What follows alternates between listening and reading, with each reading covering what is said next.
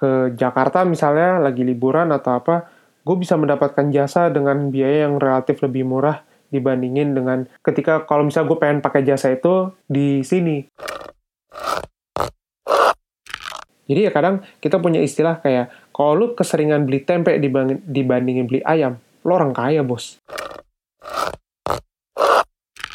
Momen-momen kayak gitu sih makan sekarang di susah Korea. Makin lebih makin dewasa kerja di Nggak apa-apa. Dua kosong Korea.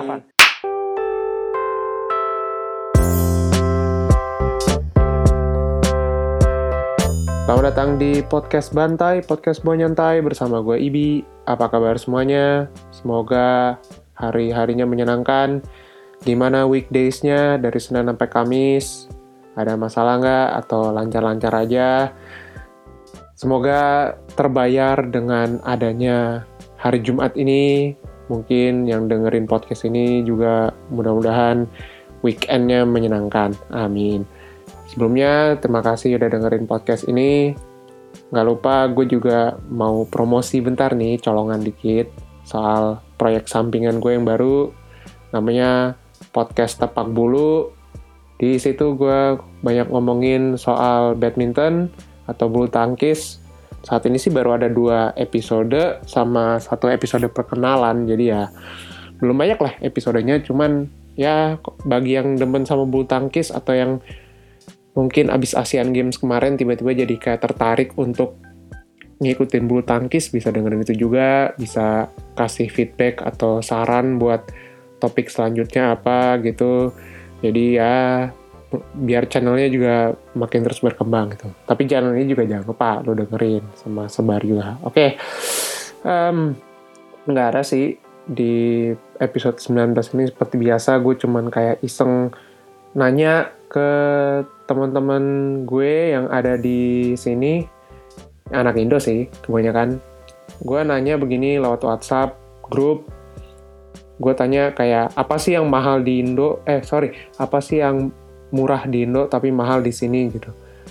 Sebenarnya sih pertanyaan simpel cuman kalau dipikir-pikir ya kadang itu juga lumayan berpengaruh terhadap apa yang jadinya kita lakuin sekarang gitu loh. Kayak mungkin kita tiba-tiba bisa dapetin skill itu secara nggak langsung karena emang mau nggak mau mungkin harus punya kompensasi soal harga yang mahal kali dari situ. Ya gimana ya? Karena kan gini loh, orang-orang Indonesia biasanya punya pikiran yang identik satu sama lain kalau soal untuk tinggal di luar negeri. Gue tidak merendah, gue tidak ingin merendahkan atau apa. Gue cuma mau bilang kayak emang itu bener sih. Maksudnya tinggal tinggal di luar mau lu jadi mahasiswa atau mau lu kerja juga biayanya emang lebih mahal gitu loh. Dan gue ngerasain itu dan gue juga bahkan bisa dibilang kayak sekarang-sekarang ini juga lagi mau cari kerjaan sampingan paling atau apa gitu loh. Jadi ya supaya lu juga bisa adalah duit tabungan sekaligus duit jajan juga gitu. Meskipun kalau gue boleh jujur, jujur sebenarnya gue juga masih sebagian dibayar, dibiayain sama ortu gue jadi ya gue alhamdulillah masih bersyukur bisa dapat semacam apa ya privilege tuh kayaknya nggak enak banget katanya lebih ke kayak ya mendapatkan hak atau mendapatkan ya ya gue bersyukur lah masih bisa dapat rezeki seperti itu gitu loh. Nah itu yang lebih tepat sih ngomongnya. Um, coba deh kalau dipikir-pikir ya um, sebenarnya sih harga kayak dari makanan atau kayak harga dari rumah apa segala macam itu relatif terhadap kota di mana lo tinggal gitu. Kalau misal pikir-pikir, kalau bisa lihat-lihat, Jakarta itu dibandingkan dengan kota lain di Indonesia itu mahal gitu kan. Tapi kalau misalnya kita lihat sekarang um, kita ambil kayak nilai tengahnya aja gitu ya antara Jakarta misalnya dengan kota-kota di Jerman gitu. Jakarta biasanya bakal lebih murah banget biaya hidupnya. Tapi yang gue paling pengen tekenin itu sebenarnya bukan masalah biaya hidup secara general gitu gue pengen nekenin lebih ke kayak apa namanya lebih ke kayak apa sih yang biasanya gue bisa dapetin di Jakarta itu dengan murah tapi di sini kayak berasa mahal banget gitu kalau tadi survei dari grup WhatsApp grup PPI kota gue sih sebenarnya jawabannya kocak-kocak juga gitu ya. Um, gue ngeliatnya gini, aduh sorry, gue ngeliatnya begini. Um, yang mahal tuh pasti biasanya jasa ya kan. Kayak lu misalnya ngemanggil tukang apa, lu manggil tukang ini ini nih, terus lu misalnya ke dokter, kalau misalnya pakai asuransi ya biasanya insya Allah aman-aman aja gitu. Cuma maksud gue kalau kita keluarkan asuransi dari persamaan itu dari ekuasi itu persamaan itu ya gue nggak tahu dari persamaan itu ya kan mahal juga gitu karena kan itu bayar jasa juga atau misalnya gini deh ya contoh lu mau permak asik permak kan lu mau permak jeans gitu ya di Indonesia. Biasanya kalau lu cuma pengen pengen mendekin doang atau lu mau kayak ngecilin doang paling berapa sih lu bayar? Taruhlah dua puluh ribu tiga puluh ribu deh gitu semahal mahalnya gitu ya. Kalau di sini biasanya paling murah setahu gue 10 euro. 10 euro tuh dikali 17 ribu 170 ribu. Lu bayangin aja coba. Ya kan itu satu. Itu dari jasa doang loh. Terus kayak apalagi ya um, manggil tukang misalnya betulin rumah gitu. Pokoknya apa pun lah mau ngecat mau apa kayak betulin wastafel apa segala macem. Itu biasanya juga pasti mereka dibayarnya per jam. Dan per jam tuh kadang nggak murah juga. Bisa jadi per jam tuh kayak mereka minta 10-15 euro. Ya tadi gue bilang 170 ribu sampai 250 ribu sejam kurang lebih. Ya kalau kerjanya sejam doang. Kerjanya biasanya 2-3 jam, kadang nggak sekali datang tapi bisa 2-3 kali datang. Udah berapa biaya lo keluarin? Begitu juga dengan kayak gue bilang tadi ngecat gitu ya. Makanya kebanyakan orang sini kalau mau ngecat ulang kamar atau apa biasanya pasti mereka ngecatnya sendiri karena mereka tahu bayar tukang pasti mahal gitu terus apalagi ya? Um, kalau itu yang baru kepikiran doang. Kayak ada temen gue bilang birokrasi tapi what? What kind of birokrasi gitu? Gue gue belum sempat nanya birokrasi seperti apa. Cuman kalau misalnya kita bayar kayak semacam servis atau apalah gitu, hmm, gak usah birokrasi deh, karena gue juga bingung birokrasi apaan gitu ya.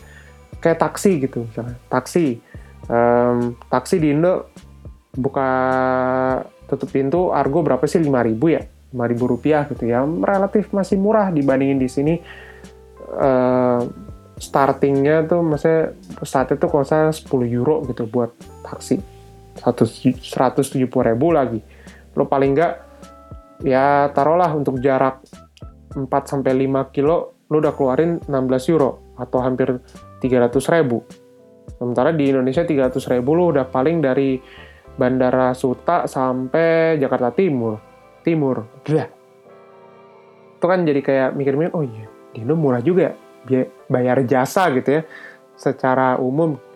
Jadi emang kadang tuh gue juga nge apa ya kayak ngerasa gue lumayan bersyukur gitu um, ketika gue ke Jakarta misalnya lagi liburan atau apa gue bisa mendapatkan jasa dengan biaya yang relatif lebih murah dibandingin dengan ketika kalau misalnya gue pengen pakai jasa itu di sini. Dan gue ngerasa kayak hmm makanya gue jadi kayak lebih apa ya lo punya lebih skill kemandirian lebih gitu kayak lo ngechat atau lo kayak betulin apa pun lah itu sendiri. Kayak lo macem um, ya yang berhubung yang pokoknya bisa selama bi hal itu bisa lo handle sendiri itu yang kayak bakal um, lo bisa ngehemat gitu loh. Ketimbang kalau di Indonesia kadang lo masih ada suka rasa takut atau apa buat betulin sendiri karena mungkin lo nggak ada pengalaman buat ngerjain itu atau apa kayak ngechat atau apa terus eh, ngechat rumah kan biasanya kita takutnya kayak nggak rapi nih atau apa gitu. Tapi ya kayak ya udahlah gitu. Lo mendingan manggil tukang lo juga nggak capek-capek lo nggak keringat gitu. Tapi jadi kayak gue secara langsung mikir hmm gue paling nggak juga punya skill buat ngecat rumah gitu aja.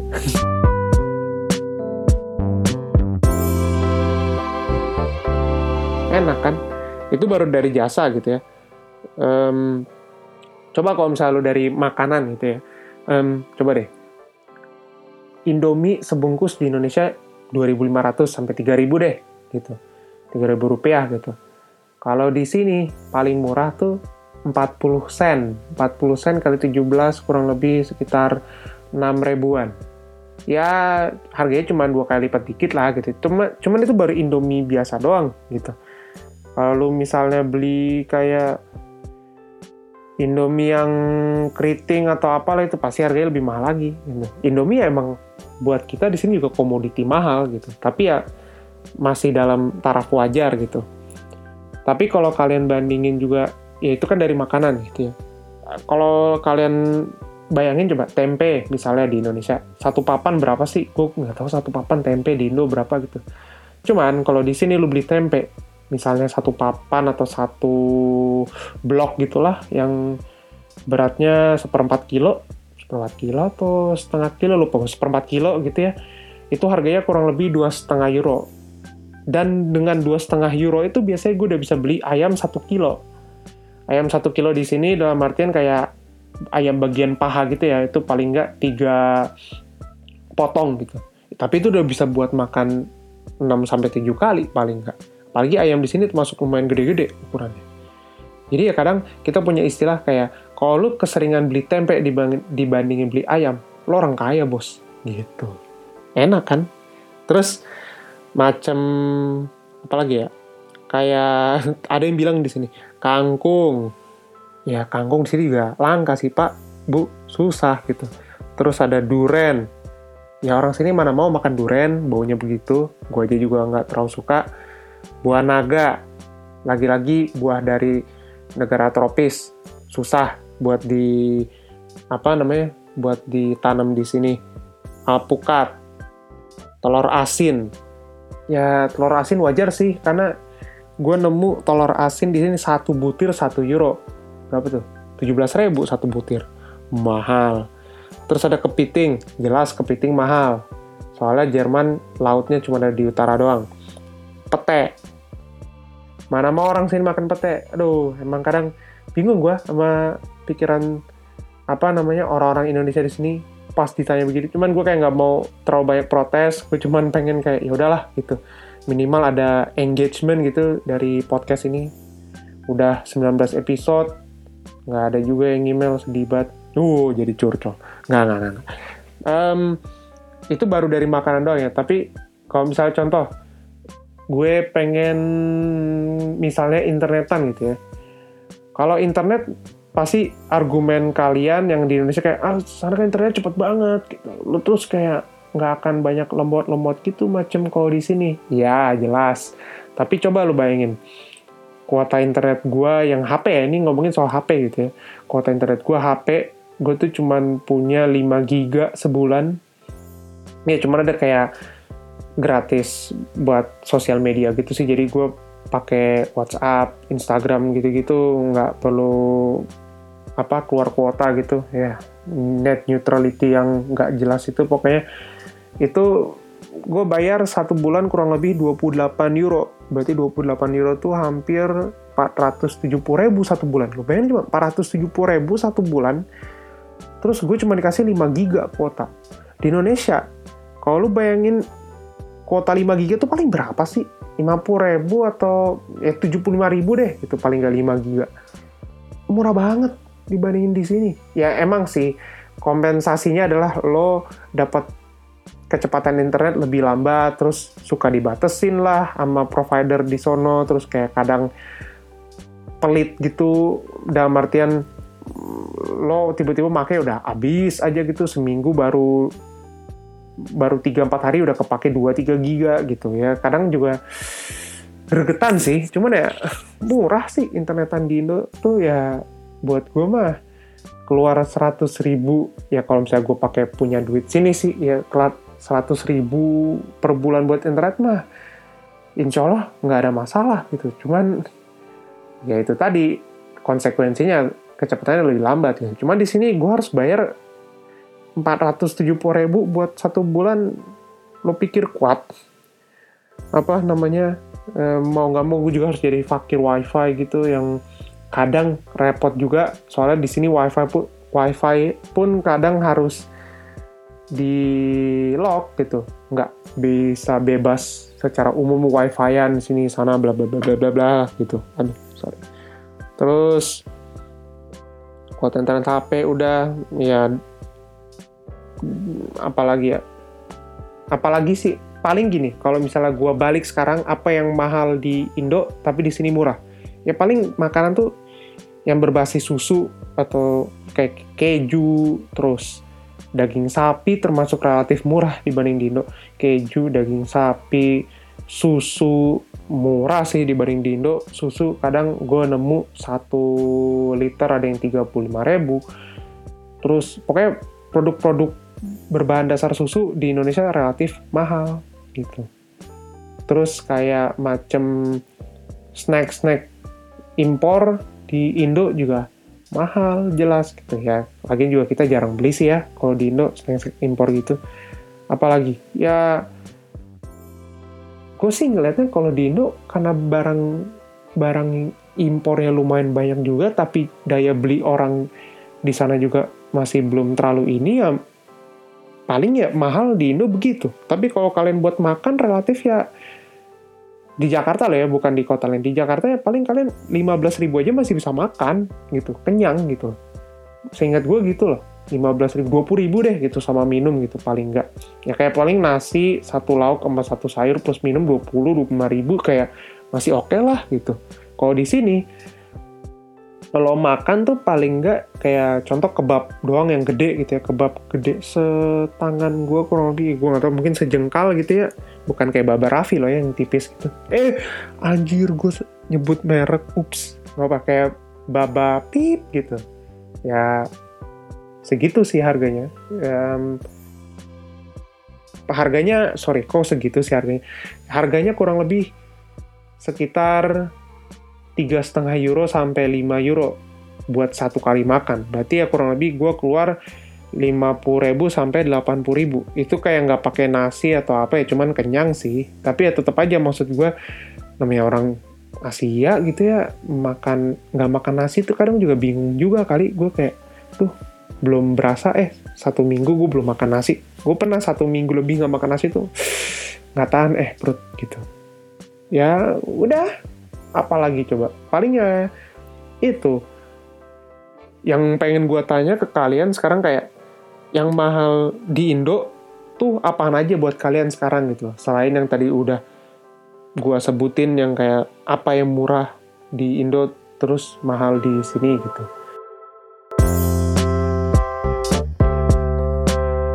Yaudah, kalau gitu ini episode ke-19 podcast Bawa Nyantai hari ini. Jangan lupa subscribe. Ada kritik dan saran, bisa langsung komen ke SoundCloud atau email ke bawanyantai at gmail.com b a w a n y a n t a i at gmail.com atau ke Instagram gue at ibhi19 atau kayak lu misalnya mau dengerin podcast Tepak Bulu, cari aja podcast Tepak Bulu di SoundCloud, Anchor, terus di Spotify di mana-mana lah banyak gitu loh. Ya tanpa perlu berlama-lama lagi gue akhiri episode 19 hari ini. Semoga hari semoga weekend weekend kalian menyenangkan. Dan untuk menutup episode hari ini podcast ini dibikin nyantai maka dengerinnya harus nyantai juga. Oke sekian. Wassalamualaikum warahmatullahi wabarakatuh. Dadah